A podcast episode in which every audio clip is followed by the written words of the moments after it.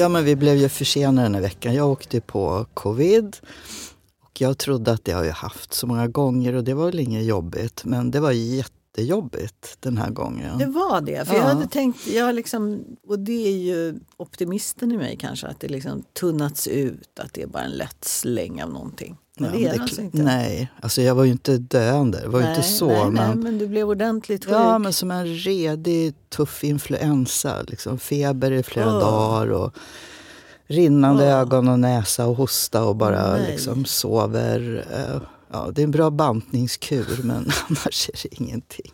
Så jag vill ju inte smitta nej, förstås. gud, nej, det Så. vill inte jag. Men eh, nu är jag på benen. Mm. Hur känns det? Men man brukar känna sig så här. Ofta tycker jag när man har varit sjuk på det där sättet så kan man gå hemma och tycka så här, nej men nu är jag ganska, nu är jag bra. Och sen går man ut. Ja, jag håller med. Jag bor ju på ett ställe där det, det, det är liksom byggt på en klipphöjd, Mm. Kvarnholmen. När man ska gå och handla så är det liksom uppförsbacke hela vägen. Och jag kände ju efter halva den att okej, man är lite trött. Ja, man är lite ämlig i alla fall. Ja. Jaha, ja, nej, men själv sitter jag faktiskt eh, mest hemma nu, eller jag sitter i stort sett bara hemma och eh, har en sån här slutredigering av en ny bok.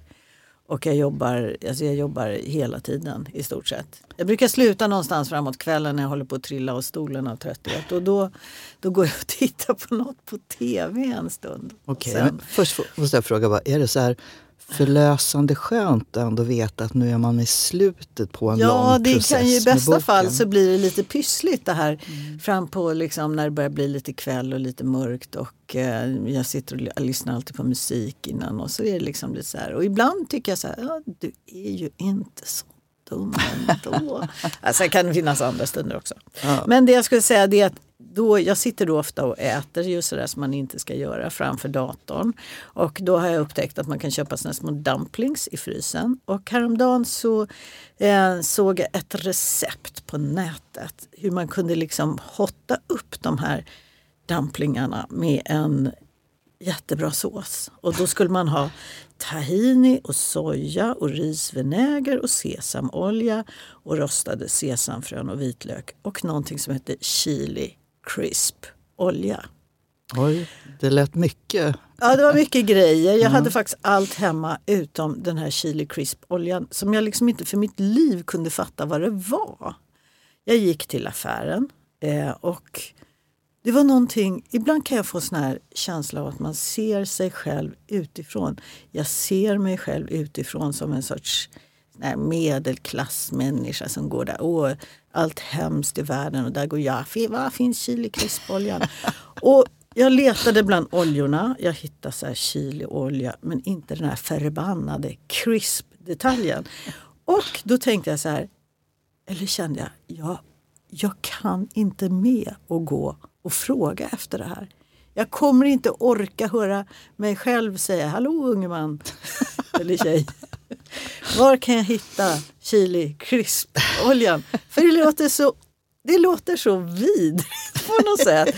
Det låter så liksom så här, öh, nej, fy. Det är någonting som känns så fånigt. Jag står där, det fanns ju vanlig chiliolja men jag bara, åh vad är crispet? Det kan jag inte med bara. Jag blir Så så jag- nyfiken. Så jag gick hem igen. Okej. Och jag kände mig lite sådär som jag kan känna, har kunnat känna när jag varit så här, typ på Gotland och är så här, man ska göra åh, endiver. Har ni endiver? Har ni endiver? Alltså, då liksom, förstår du? När man känner sig bara, åh, jag är så, uh. Den där självbespeglingen av att man är någon. Och, så att jag gick hem och så googlade jag på det här och det var ju, fanns ju liksom, det var ju någonting som var väldigt vanligt insåg jag. Det, är det, där som, det brukar vara en liten bytta på olika så asiatiska restauranger med någon liten okej. röd moja i. Ja. Och så stod det liksom att man, sån kan man minsann göra hemma. Då tar man chili flakes och så olja och så skulle man tror jag koka det där. Sen skulle man sila bort crispet och då tyckte jag att det inget, det är väl ingenting. Men hur som helst med den här eh, långa inledningen så skulle jag vilja prata om två saker. Eh, Men för det bara, är- blev det gott? Nej, men jag har ju inte kunnat göra den Nej, än. det Du blev får ingen... rapport nästa Okej, vecka. Okej, spännande. För jag- Mm. Ja, för nu, ska jag, nu vet jag ungefär vad jag ska leta. Ja. Nej men det är någonting med det där. Eh, och då tänker jag på, just ibland när man är på semesterorter. Jag vet inte om du har varit med om det, man åker till en sån här riktigt turistig semesterort. Och så ser man av någon underlig anledning så är alla affärer säljer exakt samma saker. Det tycker jag är alltid lite så konstigt. Varför? Bredvid varandra i en liksom, lång mm. räcka. Exakt samma saker. Mm. Och det som jag ofta tänker på det är liksom att alla de här sakerna det gör ju på något sätt att man känner att man själv som då turisten man är blir återspeglad i de här grejerna. Mm. Det här är som jag är sedd där jag går. Okay. Det här är grejerna som jag ska ha. En fånig hatt, mm. en liten eh, bastmatta, ja. en liten, så olika grejer. Och jag tror att det är det som gör när man är så här, ah, det är så turistigt. Då tror jag liksom ibland att man kanske inte står ut riktigt med att känna den där, ha den där spegeln framför sig. Man vill känna sig mer unik än vad man uppenbarligen ja, uppfattas man vill känna sig som, mer, Ja, mer unik och mindre töntig skulle jag vilja säga. Mm. Att det är någonting i den här liksom återspeglingen av vad man förväntas vilja ha. Att man ska förväntas vilja kunna läsa menyn på svenska. Att man ska kunna förväntas eh, gilla svensk kaffe även om man är mm. utomlands. Alltså sådana saker. Mm. Att det, är liksom, det har mycket med självbilden att göra för solen är väl densamma och stranden är väl densamma. Men det är någonting som kliar i människor när eh, eh man liksom ser sig själv speglad. Och jag tror att det är någonting på samma sätt som jag kan känna när jag liksom på något sätt inte står ut med mig själv. Att jag med en fond av allt hemskt som händer i världen, med en fond av allt som är liksom, vad, vad är meningen med livet, vad ska man egentligen syssla med och vad, vad gör man av allt och så vidare. Så stod jag liksom inte riktigt ut med att vara den där människan som går omkring och liksom engagerar sig i chili krispolja. Fast det är jag ju förstås. Jag menar, jag är ju där. Eh, och det som jag tänkte att vi skulle prata om det var lite det här, dels Alltså vad är det med den här medelklassen? Varför står ingen ut med den? Varför står jag inte ut med att vara någon sorts medelklassmänniska återspeglad? Och varför är de så hatade överallt, även av sig själva? Att det finns det, kan du känna ibland någon sån här medelklasskam. Fast du är så sund Mona, du känner sällan sådana saker. Jag är liksom nojaren i den här församlingen. Men jag har alltid haft svårt att identifiera vad, vad man egentligen menar när man säger ja. me medelklass. Mm. Um, för jag är liksom uppvuxen i en partistruktur där i stort sett alla på något vis levde som medelklass. Ja. Men det var ändå arbetarklassen som var idealet. Men det var inte det problematiskt? Jo, på något? absolut. Jo, ja. Men sen har jag tänkt också, hur var det när man växte upp då? För många skulle nog beskriva det som medelklass. Men när man ändå tittar på det så här. Vi kom till Nacka, fyra barn och en hund. Mamma hemmafru. Pappa jobbade. Vi bodde i en lägenhet. Eh, pappa sparade ihop till en sån här superbillig livsfarlig båt som vi åkte med en sommar innan pappa körde in den i en brygga och den gick sönder. Och det var hela tiden där, okej, okay, vi hade ju aldrig så gott om pengar-liv men Nej. vi saknade inte heller Nej. pengar. Jag vet efteråt, man säger, ja men du är uppvuxen i medelklassen. Ja men okej, vad, vad menade man med det? Mm. Var det tryggheten? Men när någon säger så till dig, ja. du är uppväxt i medelklassen. Mm. Känner du då att du vill försvara dig på något sätt? Nej, får du en impuls att säga, nej, vi hade faktiskt inte ditt och datt eller? Ja, men också en nyfikenhet på att vad, vad är det? Vad är det att vara medelklass? Och varför känns det som så blaha, medel, mittemellan, eh, inget sticker ut, att vara som alla andra men ändå inte vilja vara det. Den känslan kan jag känna igen från det du berättade ja. om. Att man ville hellre ha den där chiliflakesen. men det blev ja. ändå liksom spaghetti och, nej inte ens spaghetti, vi fick potatismos med köttfärssås. För mamma och pappa tyckte inte att pasta var något att ha, det skulle vara potatis. Så det känns som en så annan värld. Ja. Men i politiken har ju alltid på något vis medelklassen varit det som alla är. Alla vill att de ska rösta på oss men ingen vill vara det. Ny säsong av Robinson på TV4 Play. Hetta, storm, hunger. Det har hela tiden varit en kamp. Nu är det blod och tårar. Fan händer just nu. Det. är Detta är inte okej. Robinson 2024, nu fucking kör vi! Streama söndag på TV4 Play. Ett poddtips från Podplay. I podden Något Kaiko garanterar östgötarna Brutti och jag, Davva, dig en stor dos skratt. Där följer jag pladask för köttätandet igen. Man är lite som en jävla vampyr. Man har fått lite blodsmak och då måste man ha mer.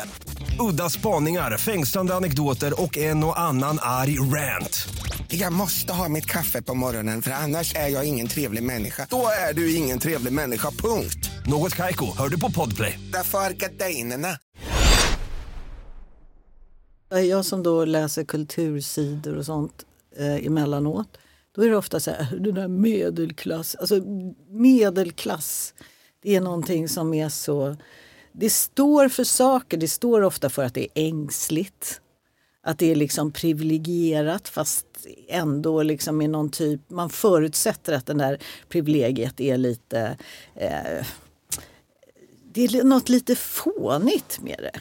Att det liksom man, det är som, jag vet inte vad det är, jag tycker att det är intressant. Men om man sätter på sig så här eh, marxisthatten. Ja. Då är man svin. ja.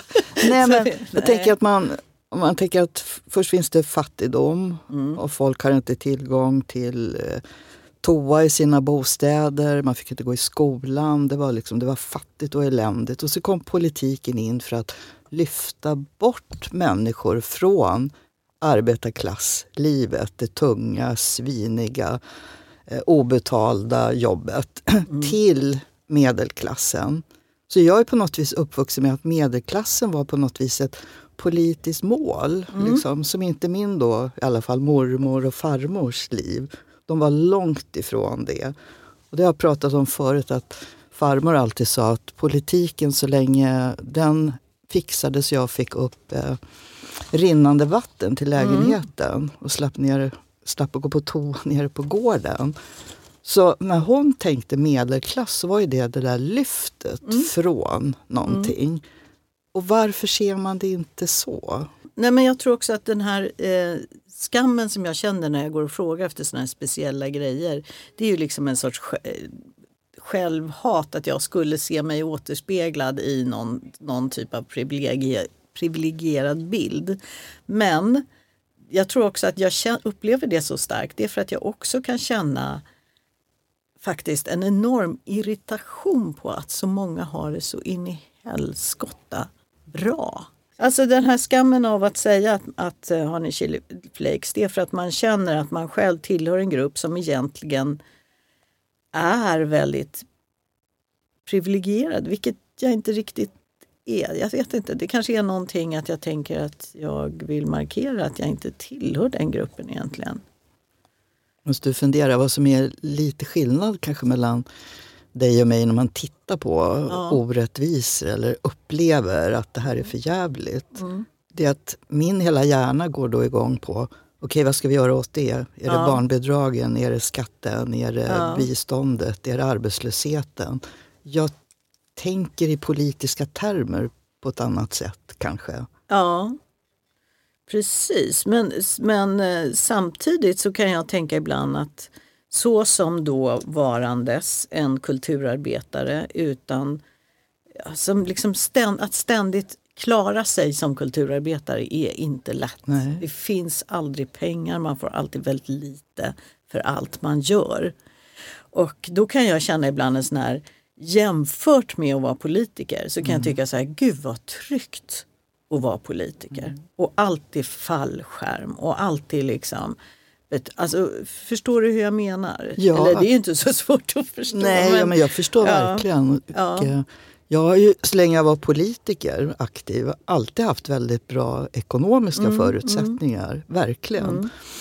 Men det har ju också andra sidor som har att göra med att eh, vara rädd, att få hot, eh, att känna sig otillräcklig, att se saker som man tycker är för jävliga men ändå inte riktigt komma fram till. Att kunna ändra det på allvar, att ta på sig skulden hela tiden för att det inte går så bra eller inte funkar som man trodde.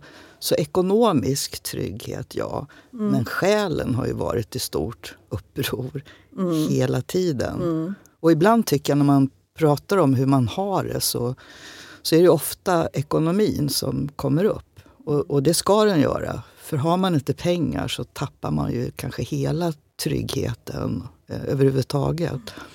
Men det är ju någonting mera när vi pratar om medelklassen. Tänker Ja, jag. precis. För att jag tänker ofta så här att, att eh, det dyker ju upp, just politikers löner dyker ju ofta upp i såna här lite vulgäraktiga diskussioner. Liksom. Så, ja, så sitter de där på sina, liksom, med sina löner och bla bla bla. Men eh, då har jag ofta tänkt på så här, varför, varför är det just politikers löner som är så i fokus? Varför är det inte... Alltså, det finns ju människor som tjänar SVTs pengar. chef, eh, Sveriges Radios chef, de stora stjärnorna inom de stora programmen på olika kanaler. Många journalister som granskar oss som politiker.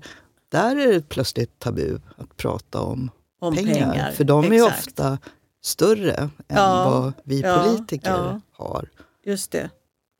Så det är någonting annat med politiken som också blir så eh, irriterande. Och sen är det fortfarande lite förbjudet att prata om lön när det handlar om andra yrkesgrupper. När jag växte upp så var det verkligen det här att man skulle aldrig berätta vad man röstade på, alltså Nej. mamma och pappas generation. Ja. Och aldrig hur mycket man tjänade. Nej. Det var liksom tabu. Mm. Men idag känns det som det är vissa grupper som har väldigt mycket makt. Där har man fortfarande gjort det tabu. Ja, eh, exakt. Och ärvda pengar. Ja, men jag menar politiken är alltid det är såna offentliga, det går alltid Ja. att få fram exakt. Mm. Men vad tjänar alla andra? Ja, Men, det, men jag tänker också det här med som jag håller på och ser på mig själv. Då tänker jag, jag vet inte, det här kan ju i och för sig vara en nu, väldigt nutida sjuka. Att, att, att så mycket självbespegling ligger i vår tid. Ja, men det där är intressant. Ja. Har man någonsin liksom varit med på bilder så mycket? Jag kommer ihåg när tidigare när man, var, när man fortfarande hade de där bilderna som man, man tog med en kamera så väntade man på att få dem framkallade och så satt man och tittade och filmen kunde vara 24 bilder eller 36 bilder och så satt man och bläddrade. Och jag tyckte att det var liksom, det fanns en sorts ehm, tabu och be och få bli plåtad för mycket själv. Utan man var glad om man fanns med på någon bild bara för att titta. Hur, hur, man, hur såg man ut?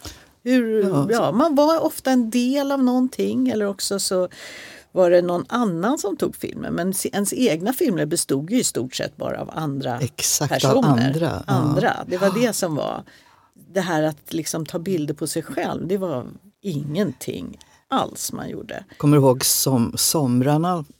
Vi hade en Super 8-kamera i familjen. Så det var liksom en film per semester. Och den är vad är det, tre minuter. Så det var liksom tio sekunder så här, okej nu räcker det, nu måste vi spara. Och man var jätteirriterad på mamma och pappa. Men sluta filma mig! och idag är det ju väldigt annorlunda. Ja, jag tror att man när man tänker tillbaka på Men har det att göra tiden, med din skam? Det liksom? har, ja, det har att göra med det på något sätt tror jag. För att varför går jag och funderar så mycket på hur jag framstår i vissa situationer? Hur är bilden av mig här? Mm. Vem bryr sig? Men vem tror du bryr dig? Jag. Bara Då blir- du? Nej, jag, ja, egentligen tror jag det. Jag, måste, jag vet, vet inte vad den har att göra med det här egentligen, men också har den det. Jag har gått och tänkt så mycket på de här hundratals småtjejerna som sov utanför den här stora sminkaffären mitt på Sergels torg. Hallå alla föräldrar som inte vet hur det ser ut där på nätterna. Men eh, vad säger era föräldrar om att ni är här? Ja, de tyckte vi var lite galna men de supportade oss och skjutsade hit oss och liksom köpte frukost och sånt. Och vad är det egentligen eh, ni vill uppnå med att vara här? Få en goodiebag. Och bra priser. Ja. För det är liksom 3500 kronor som är värt så att det är värt att stå kö. Eh, Jag kom hit för att jag hade massa personer som jag känner som var här eh, på Snapchat-kartan. Och så, vad heter det? Ja, så gick vi hit och skulle kolla vad som hände för det var så jävla mycket folk här. Typ, Om vi får en sån och så typ, säljer vi vidare så vi får pengar istället.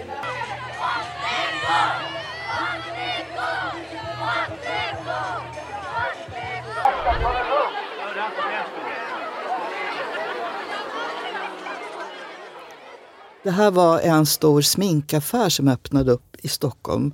Som har gjort det i Köpenhamn och Oslo med, som heter Lycko. Mm. Och de gick då ut på nätet med att kom hit, de 500 första får en goodiebag som är värd flera tusen kronor och vi kommer ha influencers Precis. här. Och, och, då var det ju sån enorm kö förstås. För och kalabalik. Ja, och jag blev så irriterad på de här ägarna av det här Lycko. För de bombarderar ju TikTok hela tiden. ja. Och jag vet ju själv hur barnbarnen följer allt Ja, och sminktips ja. och allting. Och där låg de ute mitt i natten ett helt dygn och blev de bet varann och de slog varann.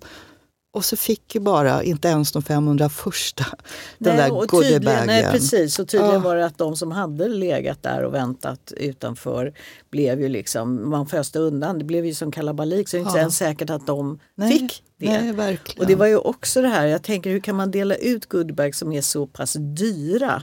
Varför inte då säga alla som kommer hit får en Alltså en Ja. mi- mindre grej, det hade räckt Men- många. men visst. men, men det är, jag håller med dig, jag reagerade också Ja. jättestarkt Men jag på tror det där. ägarna de, de visste ju att det här skulle bli kaos och omskrivet. Precis. Annars kunde de ha haft lotteri på nätet och så Ja. vi lottar ut 500 svindyra goodiebags Ja. om ni anmäler Ja. er på nätet.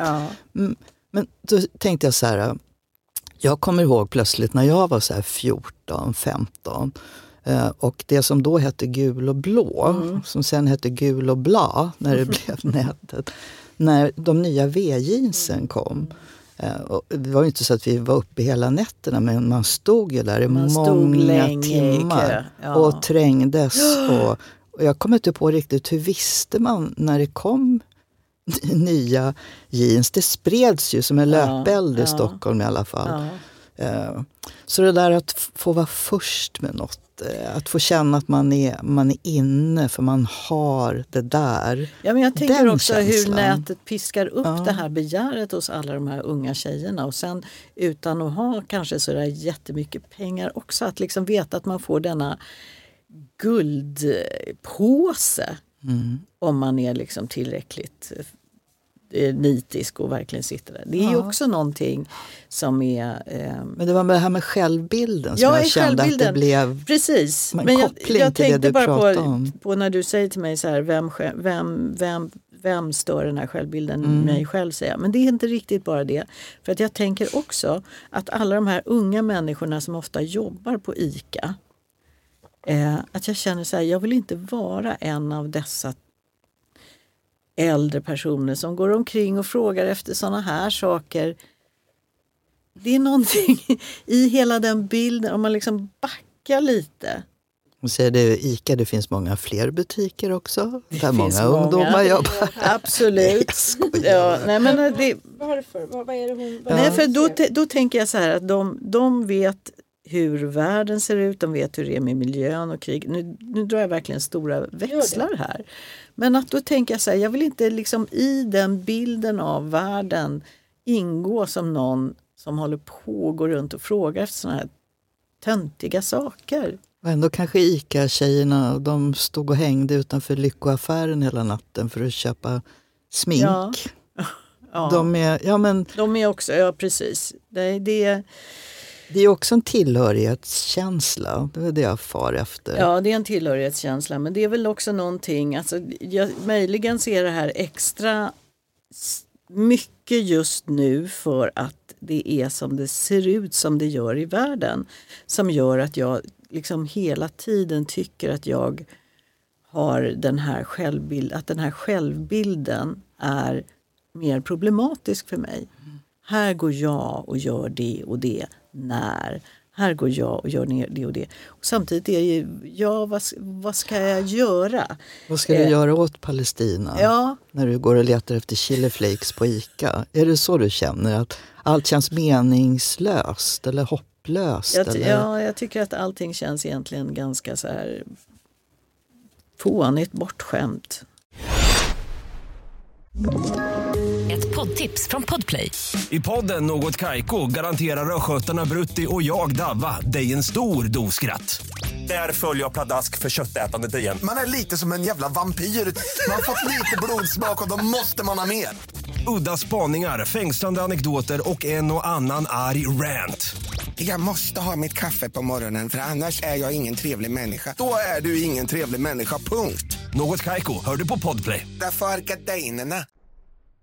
Samtidigt kan jag ibland känna att det finns ju ingenting som är fånigare än en medelklass som går omkring och åmar sig för att de har de privilegier de har. För de skulle verkligen inte vilja vara utan dem. Eh, och det, ibland tänker jag också den där tanken att det är alltid de det är alltid fel människor som skäms på något sätt. Ja, det där är intressant tycker jag. ja, men jag tror alltså att det den finns... som har samvete nog att känna att det är, hela världen är egentligen fucked up, ja. tänker verkligen rätt.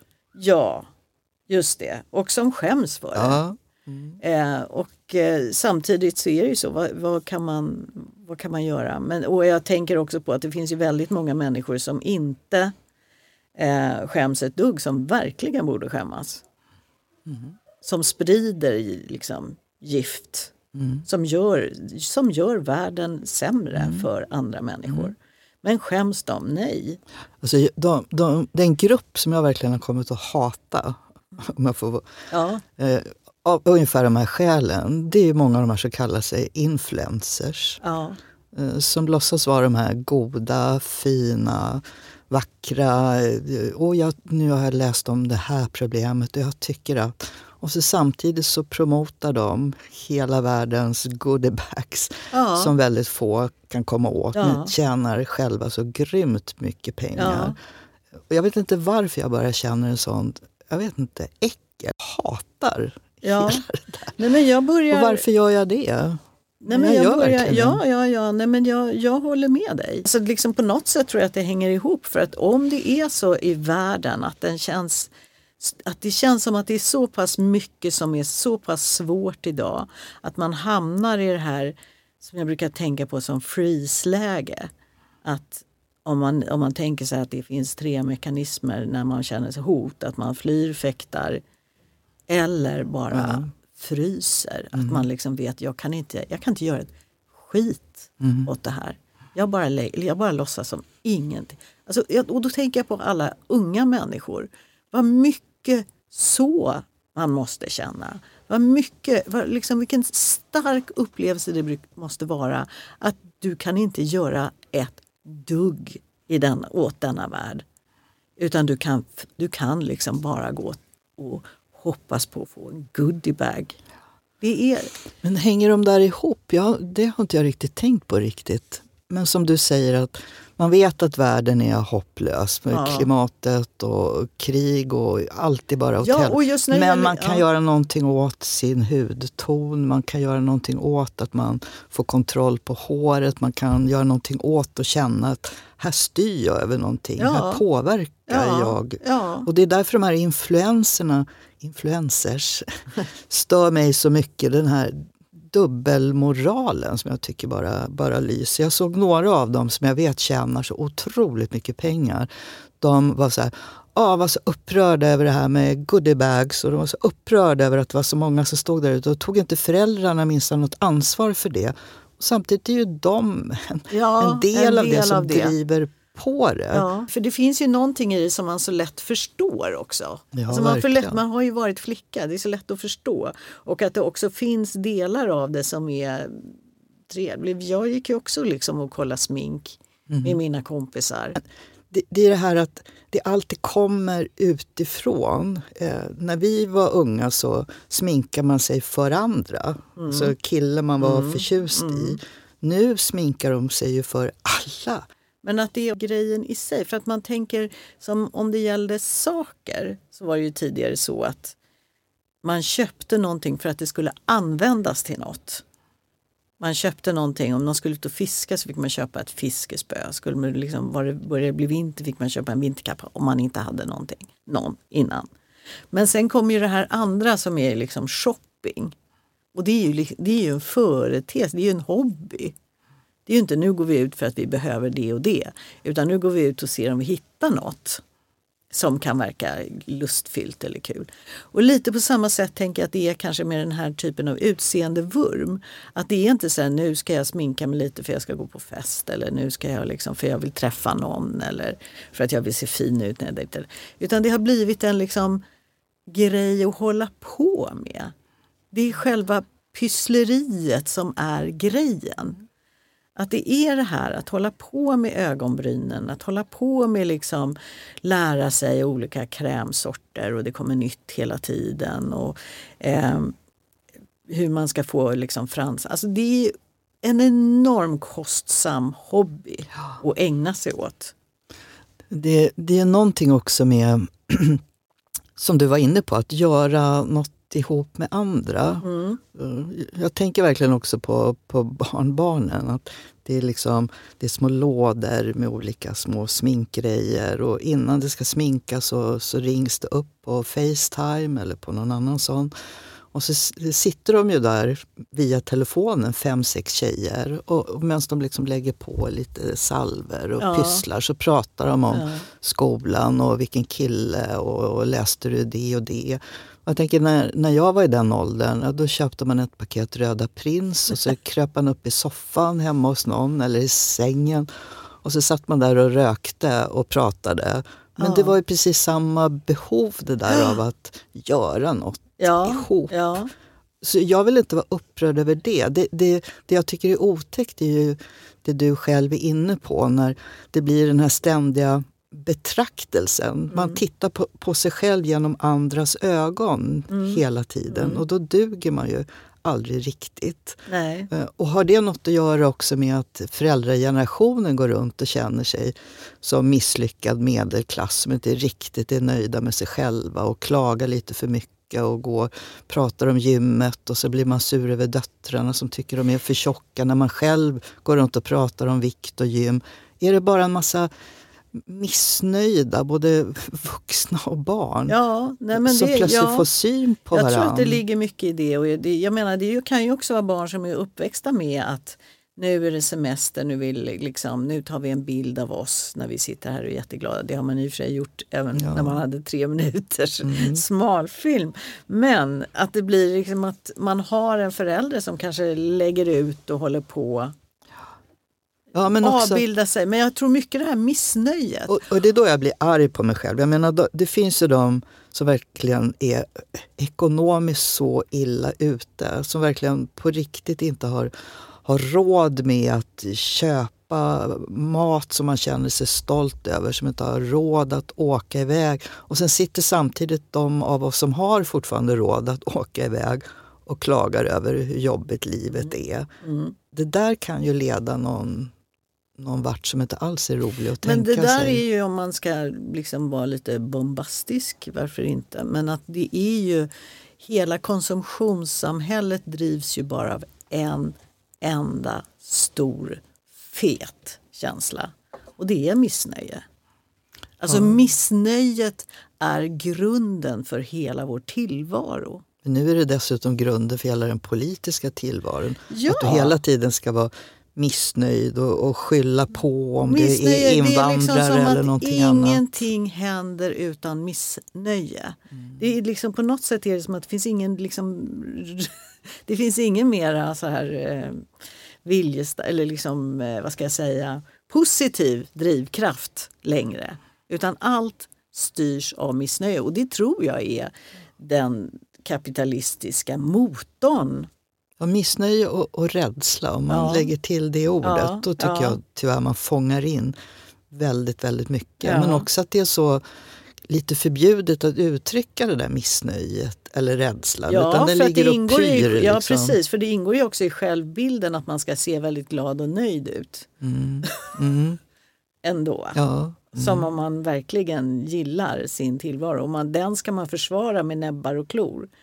Det är jättetöntigt att ifrågasätta den. Vet du, I allt det här så kan jag börja känna att jag börjar komma till ett stadie i livet där jag bara känner jag skiter i rynkorna. Jag skiter i hur håret ser ut. Mm. Jag, kanske, någon, kanske första gången någonsin i livet att man börjar liksom betrakta saker på annat sätt Mm. än bara genom hur man själv Men då ser tänker jag ut så här, och är mår. det åldrandets privilegium? Ja, det tror jag.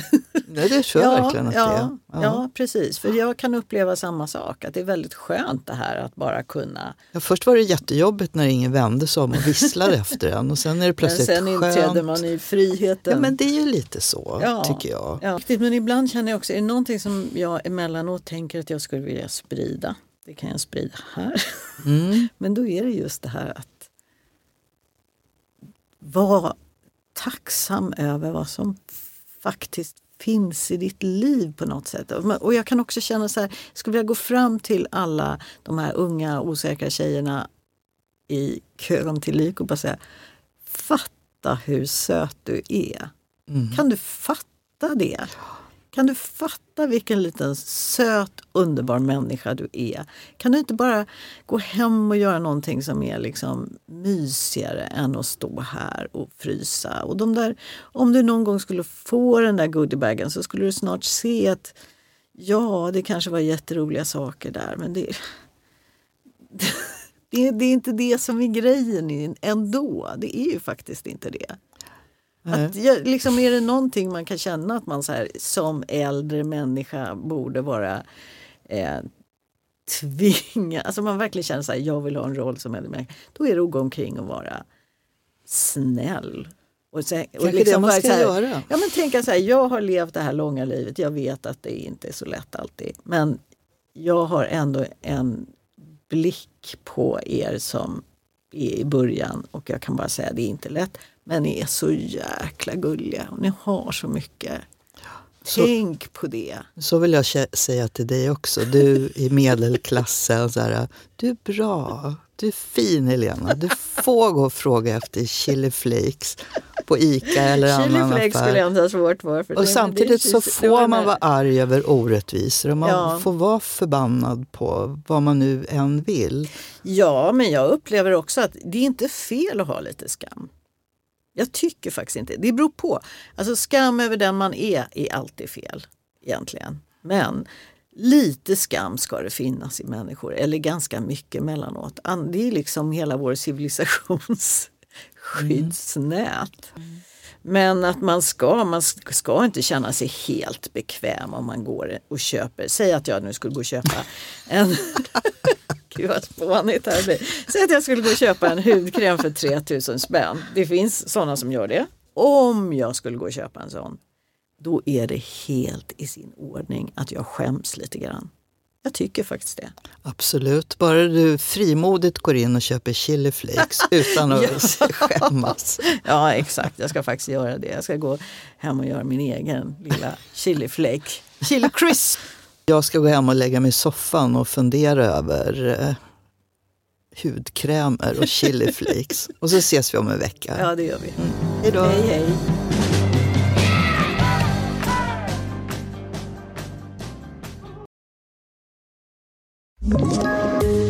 Ett poddtips från Podplay. I podden Något Kaiko garanterar östgötarna Brutti och jag, Davva, dig en stor dos skratt.